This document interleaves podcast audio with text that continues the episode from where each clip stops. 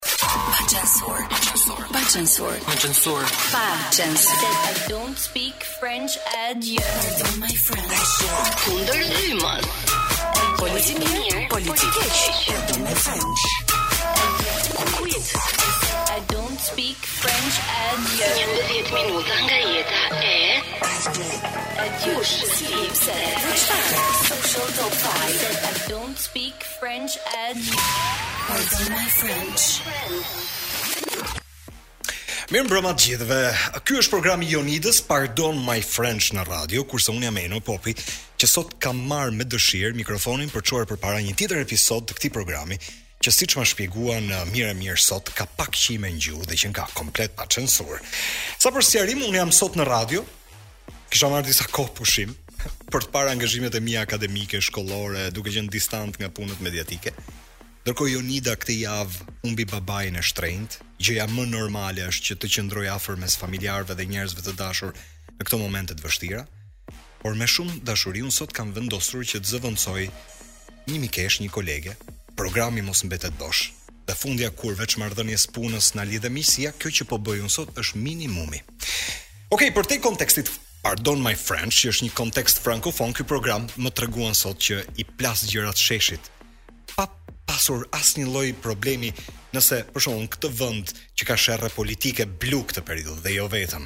Halle fundmuaji dhe trafik ditor që ta sjell majë të hundës, shpenzime për festat e fundvitit apo Covidin që e kemi akoma nëpër këmbë, dashurive dhe sherreve që po bëhen në Big Brother, Dhe meqë erdhi dhjetori edhe thashethemeve të artistëve se kush e kap këtë vit Eurovizionin. Pra po ta shohësh është tipikisht një para për një panoramë ditore dhjetori. Por unë e di që sot për pjesën më të madhe tuajën ka qenë një ditë pushimi dhe uh, kush lëviz mëngjeseve me makinë e di mirë se sa në Tiranë ti ngelesh në trafik nga ora 7 e mëngjesit e tutje dhe e ka ndjerë se sa me përtesë për shembull ka lëviz qyteti sot se ka qenë ditë pushimi. Pra sot është data tetë dhjetor, Dita e Rinisë, që në imazh publik fjala vjen mbetet si çdo vit një ditë që ish-dhjetoristët e nëndhjetës kujtojnë që i dhanë hov revolucionit rinor për të goditur fort regjimin të cilin Ramiz Alia e bënte sikur e mbante dikur ë me seriozitet por ishte ishte në grahmat e fundit. Dhe meqë ky program që në titull titullohet tipit Pardon my French, pra më falni se tani kështu i bie. Sot për shembull kishim shkollat pushim. PD-ja bëri aktivitet me ish-dhjetoristët që disa janë bërë gjyshër. Sali Berisha për axhendë të vet uh, kishte aktivitet me tematikë politiko-rinore me kunja kundër Lulzim Bashës. Bashkia e Tiranës bëri një koncert që quhej Tirona në zemrat tona dhe pastaj asgjë hiç. Erdhi mbrëmja dhe ja ku jemi duke folur bashkë në radio. Në një sens kjo ka qenë dita e sotme e një 8 dhjetori pushim. Po sot seriozisht më um, ka ardhur siklet kur dëgjoja uh, intervista në televizion apo në mediume të ndryshme, të cilat shtyrë për sa për content klikimesh, sa për gallatë webi etj etj, kishin anketuar të rinj sot në ditë rinie. dhe i pyesni se çfarë është tetë dhjetori. 80% e përgjigjeve uh, ishte se nuk na kujtohet se e kemi bërë në shkollë, po se s'na kujtohet. Dhe ti thua, e, ça brezi dreqi ta hajë po rritet. Megjithatë, sa data historike ka ky vënd me dekrete, edhe që kanë janë kthyer ditë pushimi Natyrisht edhe pa i ditë njerëzit kontekstin. Megjithatë, kjo është punë gjeneratash dhe për këtë do të flas më vonë sot në program tek Pardon My French. Por unë sot në program mora vesh që ka polic të mirë, polic të keq, polic të mirë, polic të keq, kam marrë një polic të mirë sot në program dhe unë e gjeta policin më të mirë. Kujdes, me gjasë ky emër do të jetë ai që do të përfaqësojë Shqipërinë në Eurovision. Kur them me gjasë sepse gara është e hapur edhe do të shohim se si do të shkojmë fund dhjetorit, është një nga më të talentuarit e gjeneratës së re të artistëve të mirë në këtë vend. Unë sot kam marrë co-host ose bashkëprezantues Alban Ramosaj. Hello everybody. Merci beaucoup për uh, atë lloj uh, introje për mua. Realisht faleminderit shumë. Mirë se erdhe. Unë nuk e di ti a ke pas ndonjëherë qejf të bësh media, të dalësh në radio ose të bësh televizion like host.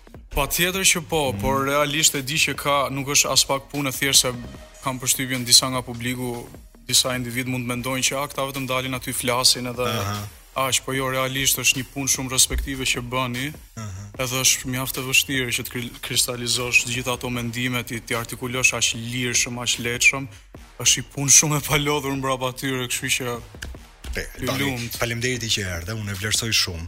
Vetëm se dua të të them, uh, me, shira, s'do ta them tani, do ta them më vonë. A di pse do ta them më vonë? Se unë sa sapo hyre ti në derë, unë ktheva filmin mbrapsh like retro si të njohim ty. Kështu që zonja dhe zotërinj mirë se erdhët në Pardon My French. Dëgjoni tani më klishen dhe më të bukur të revolucioneve, gati gati klasike si All I Want for Christmas is You, këta janë Europe me Final Countdown.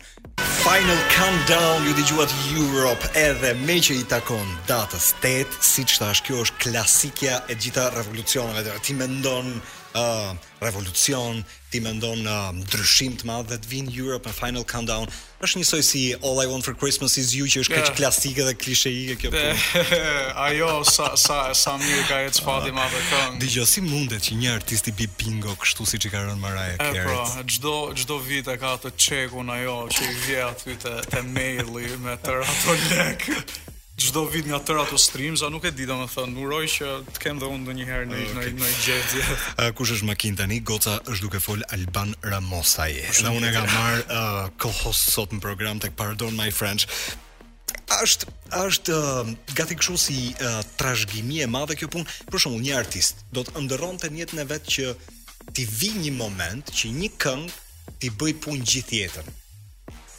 Po kam përshtypjen që po, se s'ka asnjë gjë të keqe, domethënë ku ku ta gjesh që të kesh e zëmë si Mariah Carey, që s'ke ça asgjë, edhe të mos bësh asnjë gjë, vit për vit e ke domethënë të, të garantuar që e ke një jetesë të të të, të mirëqenë. Që, pse jo? Dëgjo, ë uh, se më kujtove ti je duke punuar me uh, Aleksin edhe me uh, Xhesikën te D-Vine, po, po pa, vetëm pas pak do të ndalim aty. Okej. Okay. Uh, ata kanë tentuar të punojnë ca kohë me Besën për të bërë ah. gati një gjë të ngjashme. Pra, në një moment mendova, kjo Besa jonë uh, është gati si si uh, Mariah Carey që ka këtë albumin edhe e qarkullon ah, çdo ah, ah, çdo ah, çdo ah. Krishtlindje. A e shef që ka qenë zgjedhje e zgjuar kjo? Ë, uh, Pa dyshim po, sidomos mm. unë Besën e respektoj shumë si artiste sepse është shumë indipendente, edhe nuk është se e ndjek uh, rrymën komerciale në, në, në, në aspektin e, e, e punës e kam llafin, që nuk është se është ajo artistja që e ka me, me, me, me strukturim çdo gjë do e nxjerr tani këtë, do e nxjerr tani këtë, do e bëj kështu. Bën ça të dojë, edhe e bën si të dojë. Mm. Edhe i shkon shumë ajo gjëja. Edhe albumin që e ka nxjerr për Krishtlindje unë kam më ka pëlqyer shumë fakti që ka bërë diçka sepse mos të gaboj është artistja e parë që e ka bërë atë gjënë.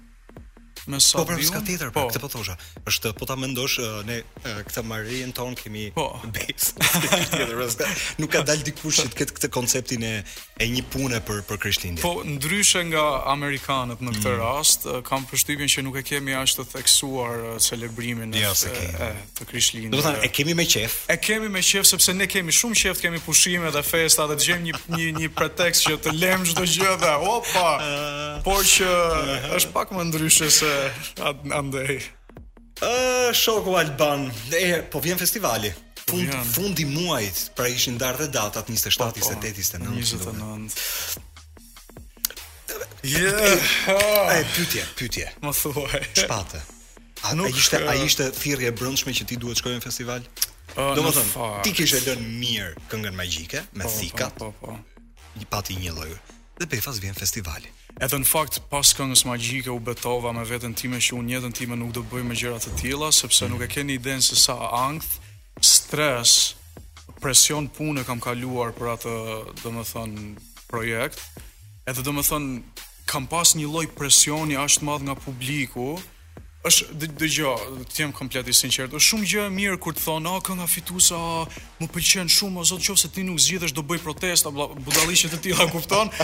Jan realisht shumë të bukura në syrin e parë, por pastaj kur të përsëriten, të përsëriten, të përsëriten sepse realisht ju betohem nuk e bëj me asnjë lloj qëllimi, Jo vetëm hyrjen time nëpër kompeticione, po edhe edhe edhe publikimin e këngëve, nuk e bëj me asnjë lloj.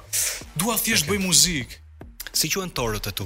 Albanator, si quhen? Jo, triksator, si si, si keni në familje këto torë? Jo, jo, jo, as pak, jo, jo, jo. Okay. Edhe jam shumë kundër epiteteve të tilla, nuk po. Jo, jo, no. Oh, kënga quhet Theje. Po. Ne do ta dëgjojmë tani në radio ah. dhe kur ti flet për festivalin. Bashkëprezantuesi im sot ka për tregu jo vetëm rrugëtimin, por me të do të flas pak gjatë se çfarë do të thotë bëhesh gati për një festival kur gjysma e Tiranës ta qarkullon emrin që tani si fitues. Kjo quhet Shpirto, sapo e dëgjuat, Alban Ramosaj në radio është me mua edhe sot po çojmë përpara bashkë me njëri tjetrin. Pardon, my French, kjo kënga qenka dhe turqisht more. Po, po, e, kam, kam dhe versionin e plotë. Si ka mundësi që ti s'e ke nxjerrë, s'e ke publikuar. E, po, sepse duhet të merresha, duhet të merresha me festivalin, edhe festivali mm -hmm. ka, o, zot, sa, duhet të impenjosh, ka shumë, edhe çdo moment t'ia, t'ia kushtosh. Edhe... Le të flasim pak për festivalin. Po. Dëgjo, um, kur ti uh, erdhe sot, mua m'u kujtua historia e jonë e njohjes, Pra në një sens me ty kontakton Ledionin e bënim po, i po, kapin po, atëherë. Pak a shumë po në këtë studio, por jo, jo fakt jo. Kemi qenë piramidë. e ne jemi njoh kur ti ke qenë me flokë të verdha. Po. Pa asnjë qime në fytyrë. ti sot je djalë që mban kapele me mjekër. Dhe ke ardhë me kitare, pate ardhë atëherë me Albërien, unë mbaj mend E, këtë e mbaj mend shumë mirë, pata thënë Albëries nga sot dhe tutje, dhe do marrim këtë djalin që është talent i ri. He. Dhe eventualisht si vazhdoi karriera jote, ja ku jemi. Realisht du ta them dhe ta theksoj, edhe më duket ta kam thënë edhe një herë tjetër kur është përmend ky fakt, por keni pas besim gjithmonë tek unë, i gjithë televizioni, edhe e gjithë radioja përherë Dhe realisht jam shumë grateful edhe falënderues që keni pa diçka te unë që në fillim edhe gjithmonë më keni mbështetur sa herë kam nxjerr këngë, video, okay. më keni ftuar, kështu që seriozisht faleminderit shumë. E di çfarë mirënjohja është virtyt. Mbaje gjithë jetën këtë, po Alban nuk do jetë vetëm Alban Skënderaj, do ketë dhe Alban tjetër në jetë, kështu që Topi do të vazhdojë me gjithë Albanët e tjerë vërdall. Vazhdojmë pak. Ëm, um, okay, ti vendos të hysh në festival.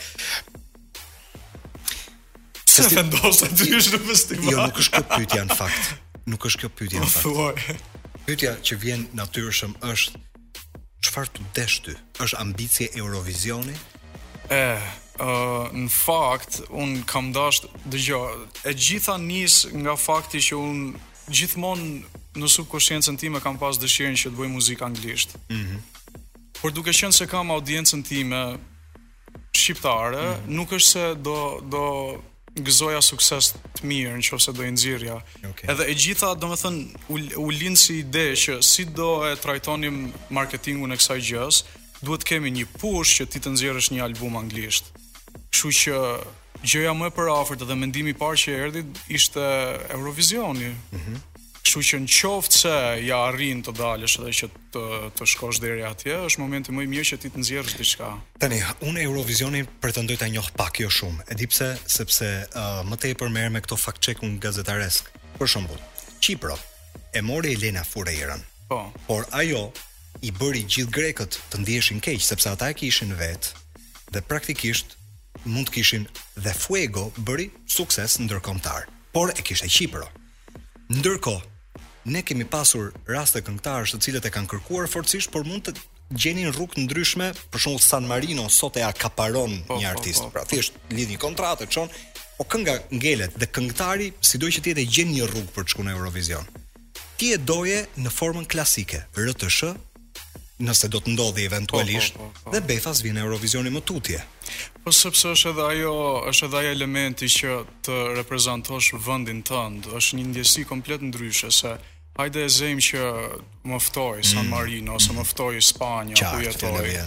Është gjë e bukur e tjera e tjera, po ka një ka një kështu një ndjesi tjetër kur mbrapa teja është emri Albania. A okay. kupton? Edhe e zëmë se korre shumë sukses kur e zëmë se korre shumë sukses me të dy shtetet. Cila për ty do ndihej më mirë? Me Shqipërinë mbrapa apo me Spanjën mbrapa? Kështu që për mua është shumë e rëndësishme dhe un, domethënë sado situata e sado Budallëqe mund të ndodhin, unë e dua shumë vendin tim edhe mundohem gjithmonë që edhe kur sepse unë jetoj në Spanjë dhe sado herë që shoqërohem me njerëz të rinj e kështu flas shumë me gjoks të fryer për mhm. Shqipërinë me shumë krenari. Por çfarë bën n'Spanjë? Ça s'bëhet. Ça s'bëhet. Jo, por realisht është o zot i madh, unë është paqja ai vend. Paqja edhe Kaos i bukur. Edhe kjo, okay. Dhe ti ke shku në qytet festash, Barcelona. Eh, po.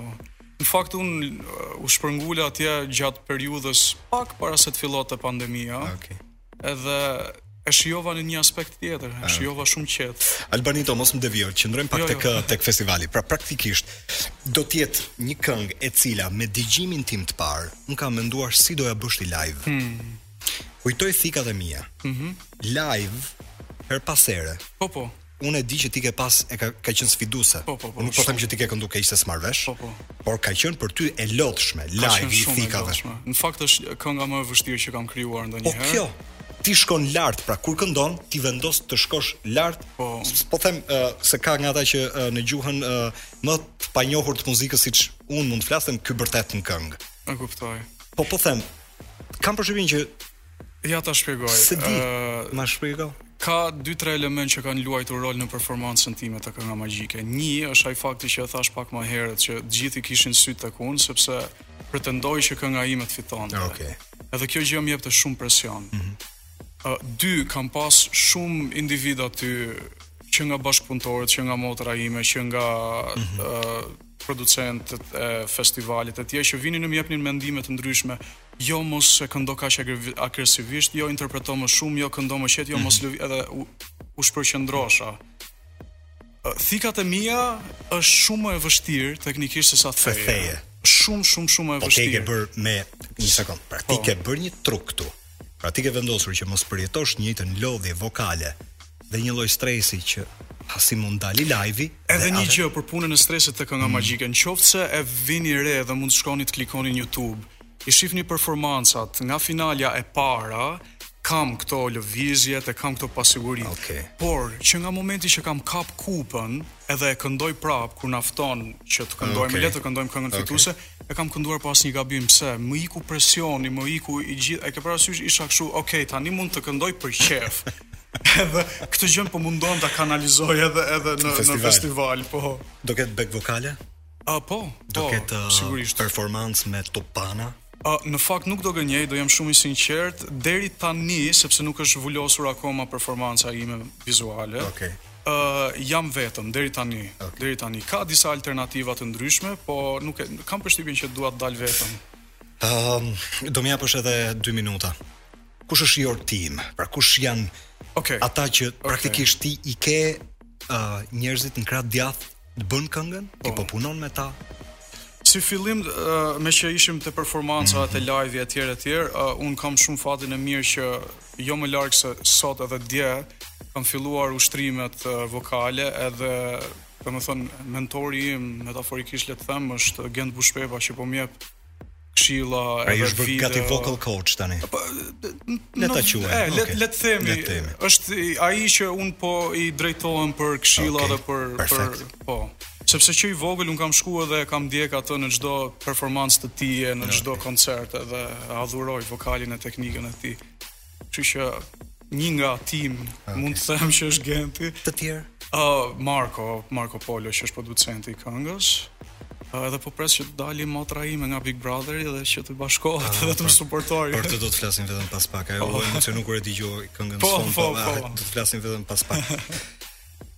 E Alban, uh, ne do të qëndrojmë gjatë. Po, po, po gati. Po, patjetër. Për dy gjëra, ëh, mm -hmm. të cilat janë uh, kam përshtypjen për ty domethënë ti zgjohesh dhe shef telefonin ç'a ndodh me Trixën Big Brother oh, po. dhe ç'a po ndodh me përgatitjen tënde për në festival. Oh, yeah. Sot te pardon my friend është Alban Ramosaj. Dëgjohemi pas pak. Mirë se u rikthyet në radio. Unë jam me Alban Ramosaj sot tek Pardon my friend, por siç ju thashë në nisje të programit, Ky është një program i cili ca gjëra tenton t'i thotë hapur, pavarësisht, si me thënë, konotacionit frankofon që na fal për frëngjishten se i themi ca gjëra hapur. Sot është data 8, sot është ditë pushimi për disa. Për të tjerë që e kuptojnë që në fakt për çfarë është sot një ditë pushimi, është sepse sot ne kemi një festë zyrtare në kalendar që është dita e rinisë. Unë kam vendosur sot të flas me uh, një mikeshë, të cilën praktikisht e kam thirrur në këtë kontekst, për të uh, analizuar më tepër si një njeri që njeh një gjeneratë në rritje. Pavarësisht faktit që ju e shihni në politikë aktive, pavarësisht faktit që ju e dëgjoni në debatet e zakonshme ditore të politikës që politika prodhon. Me mua tani në telefon është Grida Duma. Mirëmbrëma Grida. Mirëmbrëma ju. Unë të falenderoj që uh, gjete kohën. Tani unë do doja që ti të digjoje bashkë me mua dhe digjusit. Um, sot uh, gazeta Si online, është një medium online, kishte arritur të realizonte disa vox pope me një brez të ri, me një gjeneratë të re, Kur i kanë pyetur se, ore, çfarë është data tetë? Domethënë pse sot ju nuk e keni ditë zakonshme rutinore shkolle, mësimi etj etj. Një pjesë e mirë e tyre kanë surprizuar duke thënë se në fakt e kanë dëgjuar në shkollë diku, po nuk e mbajnë mend se çfarë është. Dëgjoji pak vox popet dhe kam përshtypjen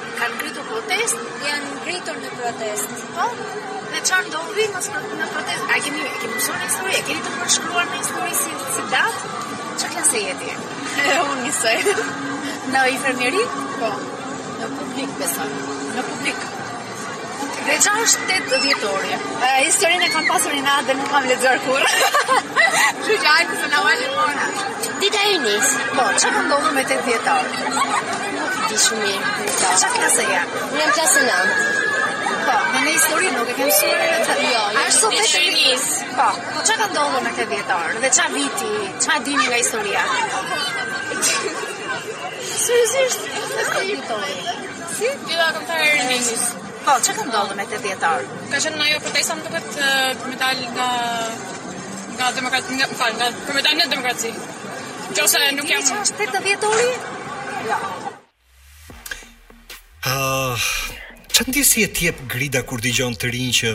Okej, okay, nuk është e thënë që duhet të jenë gjithë uh, të jashtëzakonshëm në memori, po diku shkolla, diku historia, diku familja, ndjen që çalon diçka. E no, e para ndjesi që kam në fakt është krejtësia që dëgjoj këto zëra spontanë. Uh -huh. është se vox popet e, e brezit të moshës mesatare vetë vjetër, mm -hmm. përsëri, duhet ta themi këtë deshi, mm -hmm. se jemi dhe me 8 dhjetor, uh -huh. ka një lloj ngërçi kur i shkon mikrofoni përpara. Uh -huh. Mënyra e mënyra energjike dhe rehati se si përgjigjen ata jo, se uh -huh. keni parasysh që vim nga një mentalitet që po thuash nuk e di, dukesh si gur e injorant, në fakt, të thuash nuk e di shpesh është mençuri. pranosh se disa gjëra nuk i di. Dhe lirshmëria që kanë, që thonë jo nuk e di, nuk e di dhe nuk shqetësohen, tregon që çfarë do lloj gjëje që të mungojë në dijenitë e tyre ka një tjetër brumë njerëzor dhe ne duhet të reflektojmë për këtë fakt. Tani, përtej faktit që uh, afilacionit tënd politik, unë do doja që ti ta shifje, uh, si me thënë, pikturën kështu. Sot kishte aktivitet Partia Demokratike, Sot kishte kryeminist, ish kryeministri Berisha në një sens për axhendë të uh, aktualitetit uh, dhe nevojave politike një tjetër aktivitet. Sot Bashkia e Tiranës kishte një koncert Tirana në zemrat tona. Pra në një sens kjo ishte.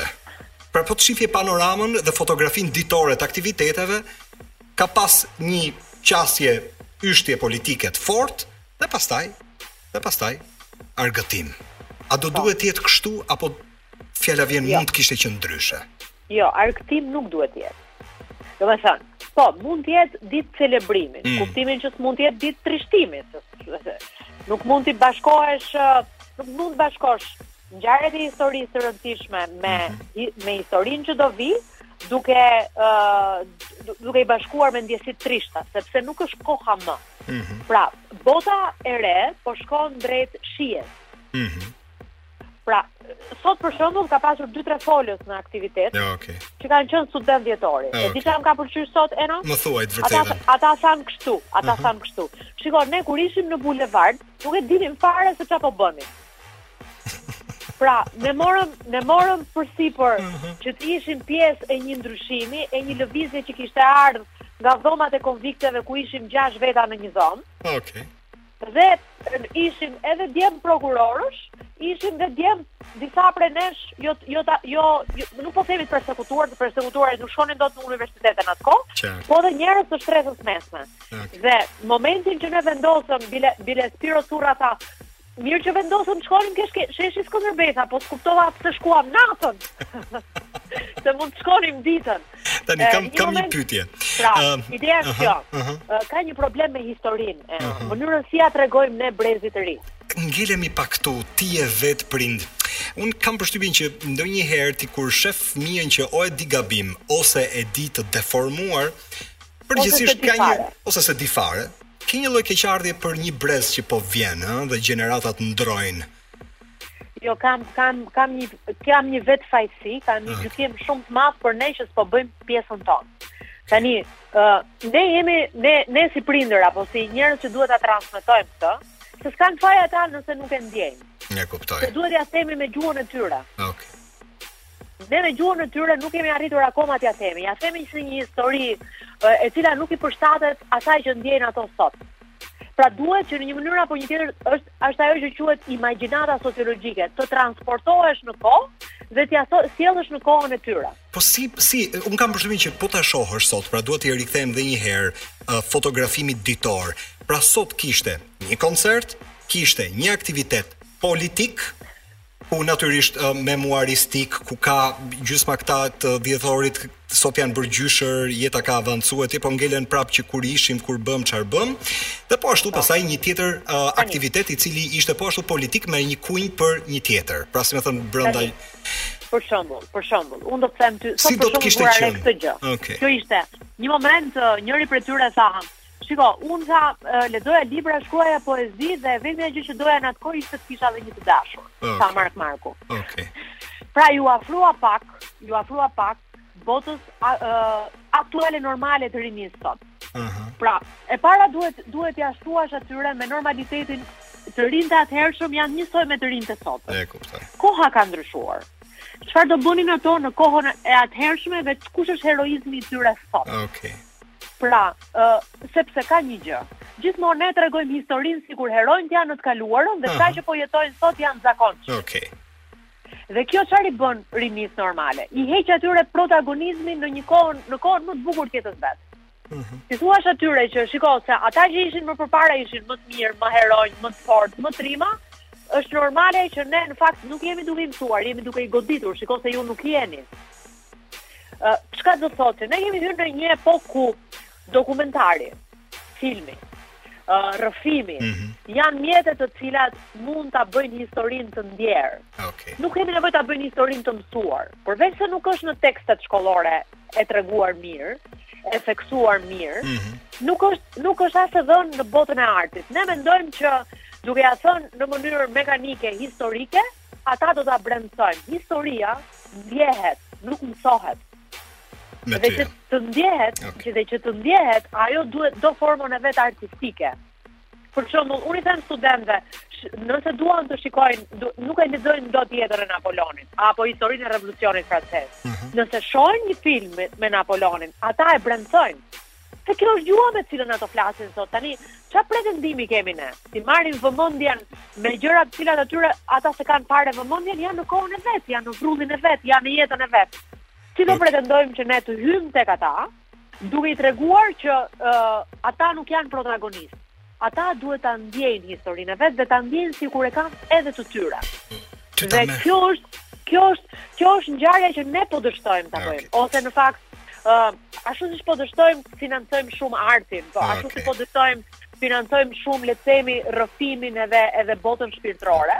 Kemi kaluar vetëm muzikë dhe show, uh, bisedat shpirtërore dhe të, të brendësuara për vlerat e mëdha të historisë, Nuk ka nevojë të jenë si mësime tekste shkollore, didaktike, mësoje përmend datën, Qartë. ishin kaq apo ishin aq. Kjo nuk tërheq më ende. Ke të Duhet drejtë. flasim me gjuhën e tyre. Ke të drejtë. Dhe po i fole me gjuhën e tyre, ata përfshihen.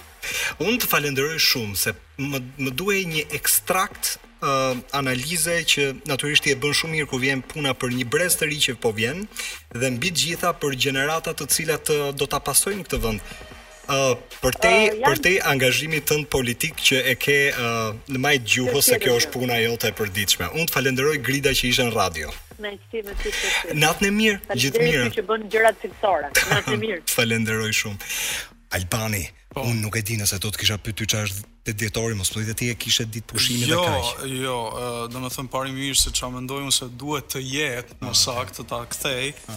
Është që qeveria dhe të tjerë të ngrejnë në ndërgjegje çështje të ndryshme të rinjsh. Ah, okej. Okay.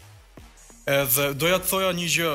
Ë jam unë për vete kam shumë shpresë edhe shumë dëshirë më shumë mbase vjen nga dëshira tek gjenerata jonë e të rinjve që mund të bëjnë ndryshime. Domethënë më shumë se kurrë më përpara e shoh që gjenerata jonë ka potencial për ndryshim për të ardhmen tonë. Po s'duhet me ik pra Albani, duhet të rrin këtu. Ëh, uh, po për këtë do të flasim. Po pra, shumë e komplikuar. Do jua lë politikanëve këtë gjë, nuk nuk dua të futem kësaj gjëje. Shoku Alban Ramosa është me ne. Vetëm pas pak do të rikthehemi e do të flasim një për ja, gjysmën e zemrës. Ai ka Triksën në Big Brother. Mm -hmm. Kjo ka një lloj kurioziteti publik. E dyta pastaj që është uh, shumë e rëndësishme është për atë që natyrisht një artist të ri e bën të shkojë përpara. Frymëzimi ndër muzikë dhe filma qëndroni aty. Kjo quhet Get High.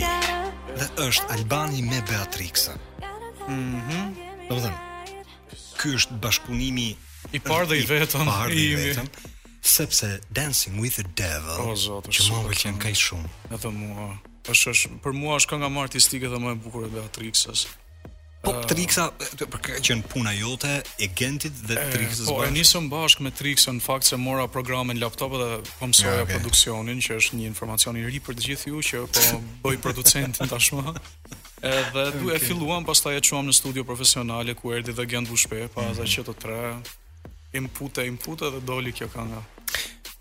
Triksa është në Big Brother. Keni po. pas ju një ë uh, dakordsi në shtëpi apo kur Triksa ta tha ti e mendove i the motor ç'do aty ti. Jo, kisha shumë mendime të ndryshme, kisha shumë mendje të ndryshme, po në fund të fundit mendova pse jo. Domethënë realisht unë e njoh më mirë se kushdo motrën time no, okay. dhe e di që është njeriu më pozitiv, më kind, më e sjellshme, më, domethënë ka atribute që shumë femra duhet ta marrin shembull, pavarësisht se mënyrës se si këto kohë është përkthyer, është interpretuar nga publiku që nuk mendon Domethënë disa prej tyre nuk është se mendojnë as njëherë, jo vetëm njëherë, e këpërë që thuhet mendo dy herë para se të janë zero. A po ju shqetson ju në shtëpi a, në fakt, e gjithë kjo situatë? ka qenë pak shqetësuese, po pastaj kur rrin edhe mendon edhe e kupton që nuk e kanë idenë se çfarë po flasin, nuk është se na prek. Ideja është se ne e dimë se kush është Triksa mm. dhe mhm. është një gjë shumë e bukur, është një shprehje që e vërteta nuk kursen askënd dhe vjen për çdokënd, kështu që e vërteta gjithmonë del. Kështu që nuk kemi asnjë lloj shqetësimi. Jo, mirë, okay. I vetmi shqetësim është që më ka marr malli dhe kam okay. dy ditë që zgjohem me ëndra duke e parë dhe jam shumë kështu që dua ta përqafoj. Dhe ti shkove e bëre prezencën. Po, po nuk mjaftoi, ishte shumë shkurt. Ishte shumë ah, shkurt. Çfarë ndjesi është kur shef motrën që është e lumtur me Donald? Po, un un jam shumë i lumtur për motrën time dhe gjithmonë ka pas triksa shumë uh, problem që të gjej dikë që ta dashurojë e ta dojë. sepse realisht është shumë e mirë dhe është pa pik djallëzie edhe gjithmonë nuk shef kurrë asnjë gjë me interes edhe është, është ajo motra ime jeton e për filma në kuptimin më të mirë të fjalës, dashuron pa kushte është domethënë lum ai që mund ta bëjë për vete Alban, sikur unë fjala vjen të isha djali i xhajës mm -hmm. edhe do të kisha thënë po mirë, le ta analizojmë pak mm -hmm. Big Brother është një lojë televizive, po sido që të jetë midis konkurrentëve, po parimisht, sa ti e shef, so, po, më përtej, ah, ah, mendon që duhet pa pa problem, a është një lojë, a duhet me pa me një lloj shqetësimi, se mos ndoshta, në një marrëdhënie, kur dikush dorëzohet pa kushte, Mund të jetë dikush tjetër që përfiton nga kjo. E kuptoj, e kuptoj. Domethënë unë nuk mund të flas shumë shumë qartë për këtë gjë, duke qenë se unë nuk jam brenda në shtëpi dhe nuk e di presionin, por në të vërtetë, si shumë e thonë edhe është shumë e vërtetë që ai presioni aty brenda është komplet ndryshe nga çfarë është jashtë.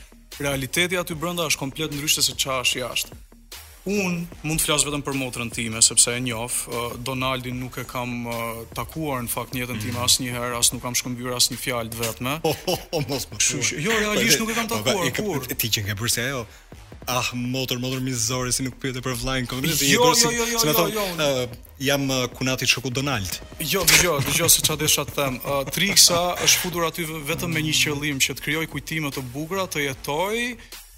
siç ka qef, pa asnjë lloj djallëzie ose strukture ose kalkulimi ose të bëj okay. a kupton është thjesht ai lloj njeriu që jeton shumë poetikisht edhe do thjesht jetoj bukur të krijoj të krijoj momente kjo është pyetja e fundit dhe unë nuk do merrem më me këtë gjë se s'ka problem jo vazhdo ti je në studio dhe unë do nuk është problem fare pastaj ha ha ne kemi bisedat tona po Mamin, kur çoi mesazhin, shumë e interpretuan si të mërzitur dhe të inatosur me faktin që i lëshonte Trixis në kontekst një lloj thirrje me qenë e kujdesshme ajo. A është kështu? Në fakt, në fakt se ti ti rigjiditën me me po, po, po, po, jo, mami im uh -huh. gëzon një zë shumë potent, në fakt edhe shumë autorit, ka shumë autoritet në tonin e saj. Edhe sa herë që, domethënë edhe me shoqërinë time kur kur I binte rasti të flisnin në telefon o zot a më ka inat a më ka është është është natyra e saj që por realisht të gjithë shikuesve dhe dëgjuesve ajo letër duhet të marrë vetëm konteksti i fjalëve sepse kur nuk e njihni njeriun edhe mbase mund të gaboni në interpretimin okay. e tonit. Okej. Okay. Kështu që atë çfarë ka thënë aty, atë e ka menduar edhe ajo është mesazhi. Well done. Mbyllëm, yeah. mbyllëm këtë punë. Albani, vetëm pas pak ne do të flasim për atë që ty të frymëzon. Ti je tek 20 e 5 vjeç. 25. Ti je te 25-tat e tua, natyrisht që ti ke fazat e jetës ku nga diku frymëzohesh, oh, diçka të pëlqen etj etj. Bëj gati playlistën tënde me katër këngët e jetës. Oh. Kush mund të kishin qenë mm. katër këngët e jetës?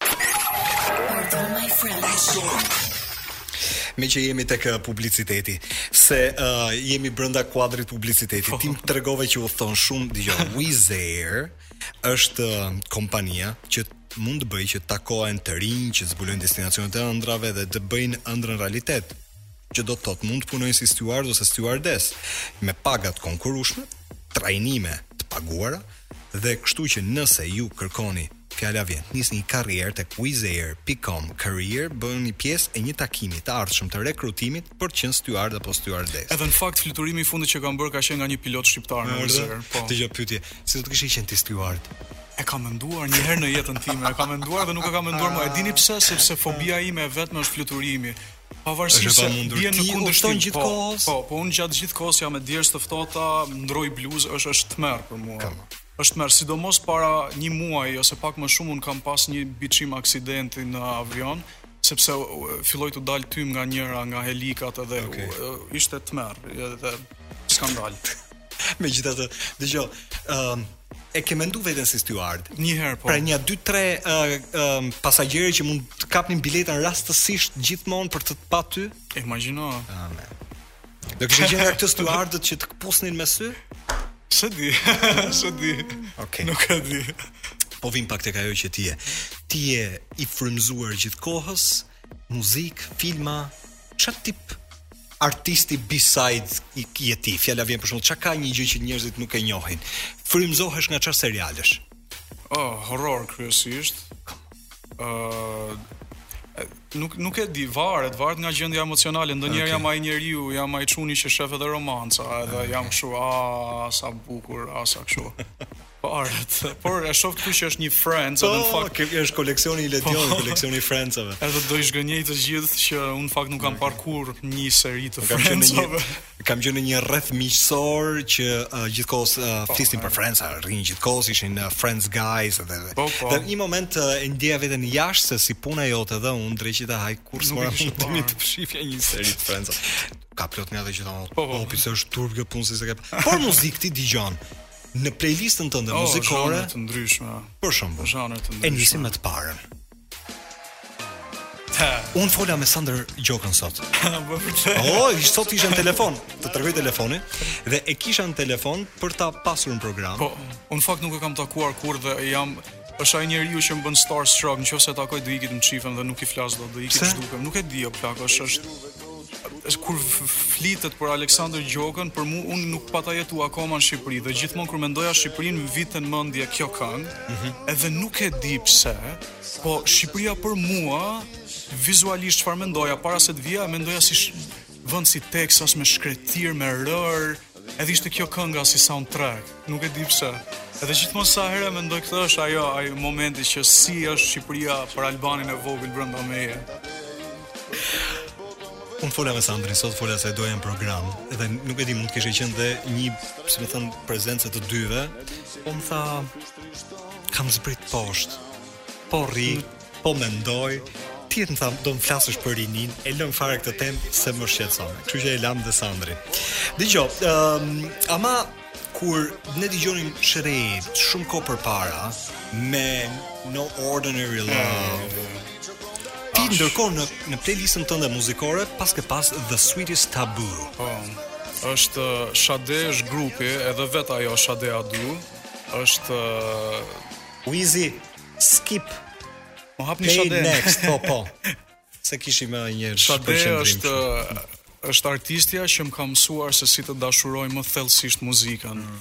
Duke më duke më prezantuar me me smooth jazz, që është për mua është zhanri më më artistik dhe më kulturor i muzikës moderne. Ja, yeah, ngrije pak. Shkojmë pak lart.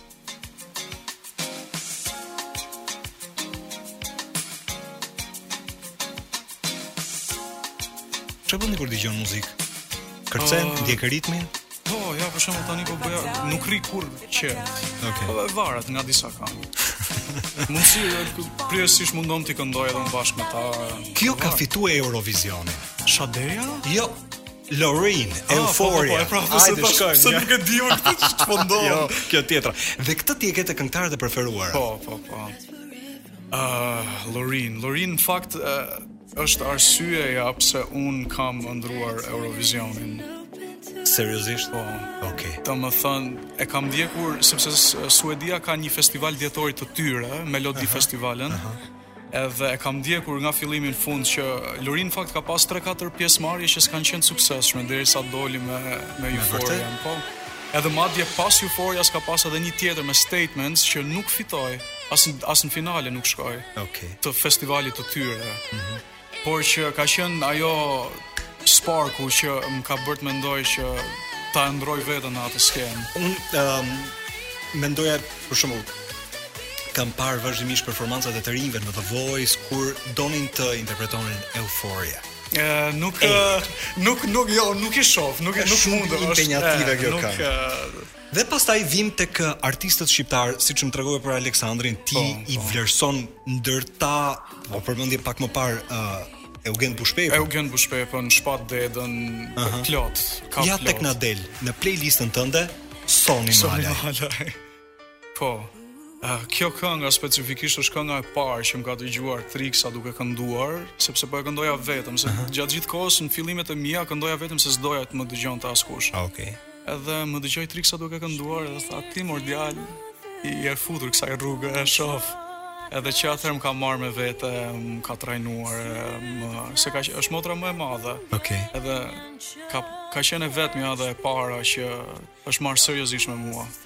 As e, as e mendoj dot se si mund të jetë në variantin mashkullor ndarja. A po mund ta bëj një cover një ditë ose mund të vij këtu dhe ta këndoj. Pse jo. Pse jo, me shumë shumë qejf. Ama nëse kalojmë tek artistë të tjerë, kë mund të veçosh? Ë uh, shqiptar? Edhe shqiptar. Ë uh, Shpat Deda, patjetër, 101%. Edhe unë ndihem shumë keq ai nuk, Shpat Deda të lutem. Nëse e ke Rrugës, këngën Rrugës të Shpat Dedës, okay. unë kam dy ditë që asnjë këngë tjetër nuk është në playlistën time, vetëm ajo këngë dhe flej zgjohem me atë këngë. rrugës. Rrugës po. Uroj hmm. shumë ta kemi një album i ri.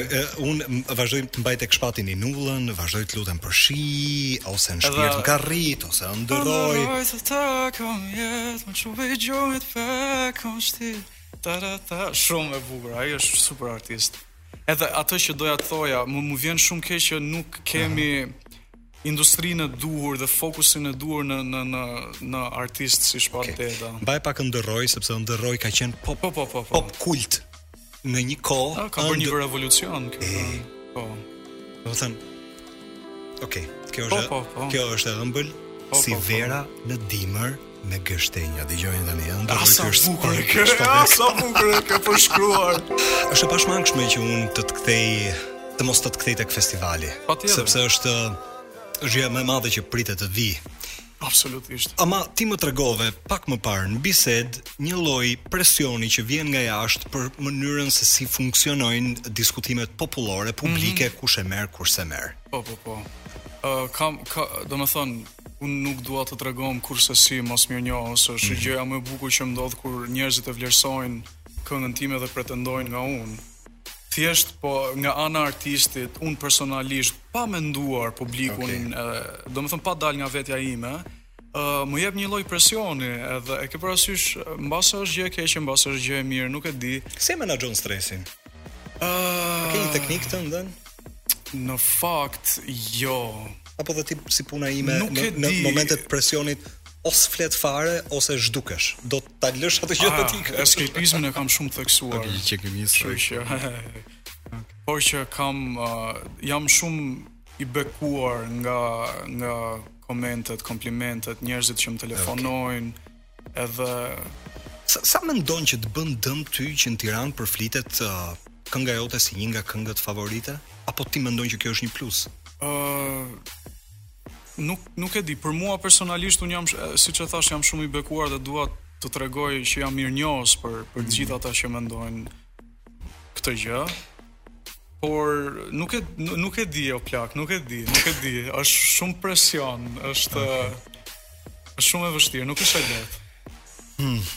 Unë do të tregoj vetëm uh, shumë shkurtimisht një histori që mua memoria ime profesionale gazetareske, mm -hmm. si me thënë nuk më ka tradhtu deri në një pikë që mos mbaj mend gjëra, mm -hmm. po do ta tregoj më vonë. Okay. Vi pak tek tek pjesa që ka një lloj rivaliteti mes mes artistëve.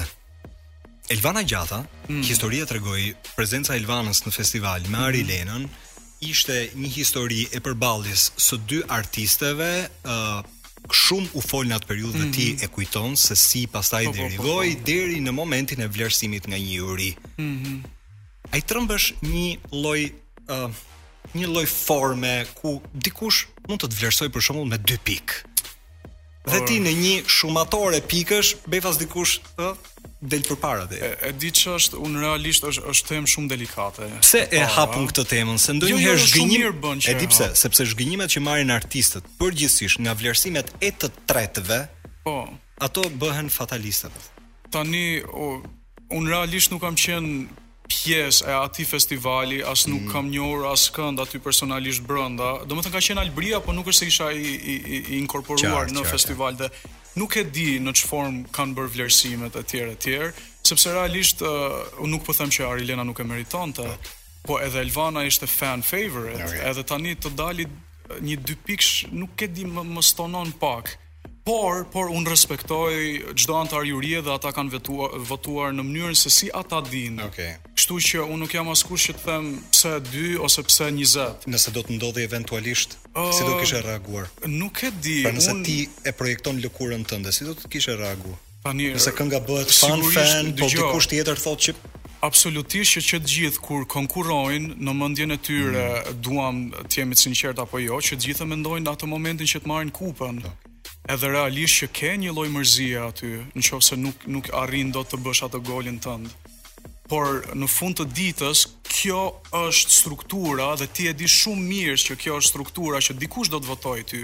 Ka një juri, Edhe ti duhet të të, domethënë, le të themi, të përgatitesh për çdo lloj rezultati që do dali. Shikoj, Alban kush bën media dhe uh, me këtë punë merret vazhdimisht me uh, mbulimin e jetës uh, artistike, kulturore, aktiviteteve në qytet. e ka të qartë se si në një mënyrë apo në një tjetër mënyrat dhe mekanizmat për të çuar një artist në festival ndonjëherë janë të hapura, ndonjëherë janë të akaparume, mm. pra janë të paracaktuara, ndonjëherë uh, në funksion të garës vendosen njerëzit. Unë kujtoj një histori të Alban Skënderaj dhe Miriam Cani. Mm -hmm ishte fillimi i prezencave shqiptare në Eurovision. Mm. Nënkuptoj viti i 3 ose i 4, mos gaboj. Dhe filloi për herë të parë të paktën në kujtesën time, u fut mekanizmi i thashethemit në qytet. Mm -hmm. Që do të thotë, U përdor ky mekanizëm për të goditur artistët. Ata vërtet kishin një këngë të mirë, por për shkak të përhapjes, le të themi divulgimit të uh, fjalës që ata të dy e marrin, ne e dimë këtë punë.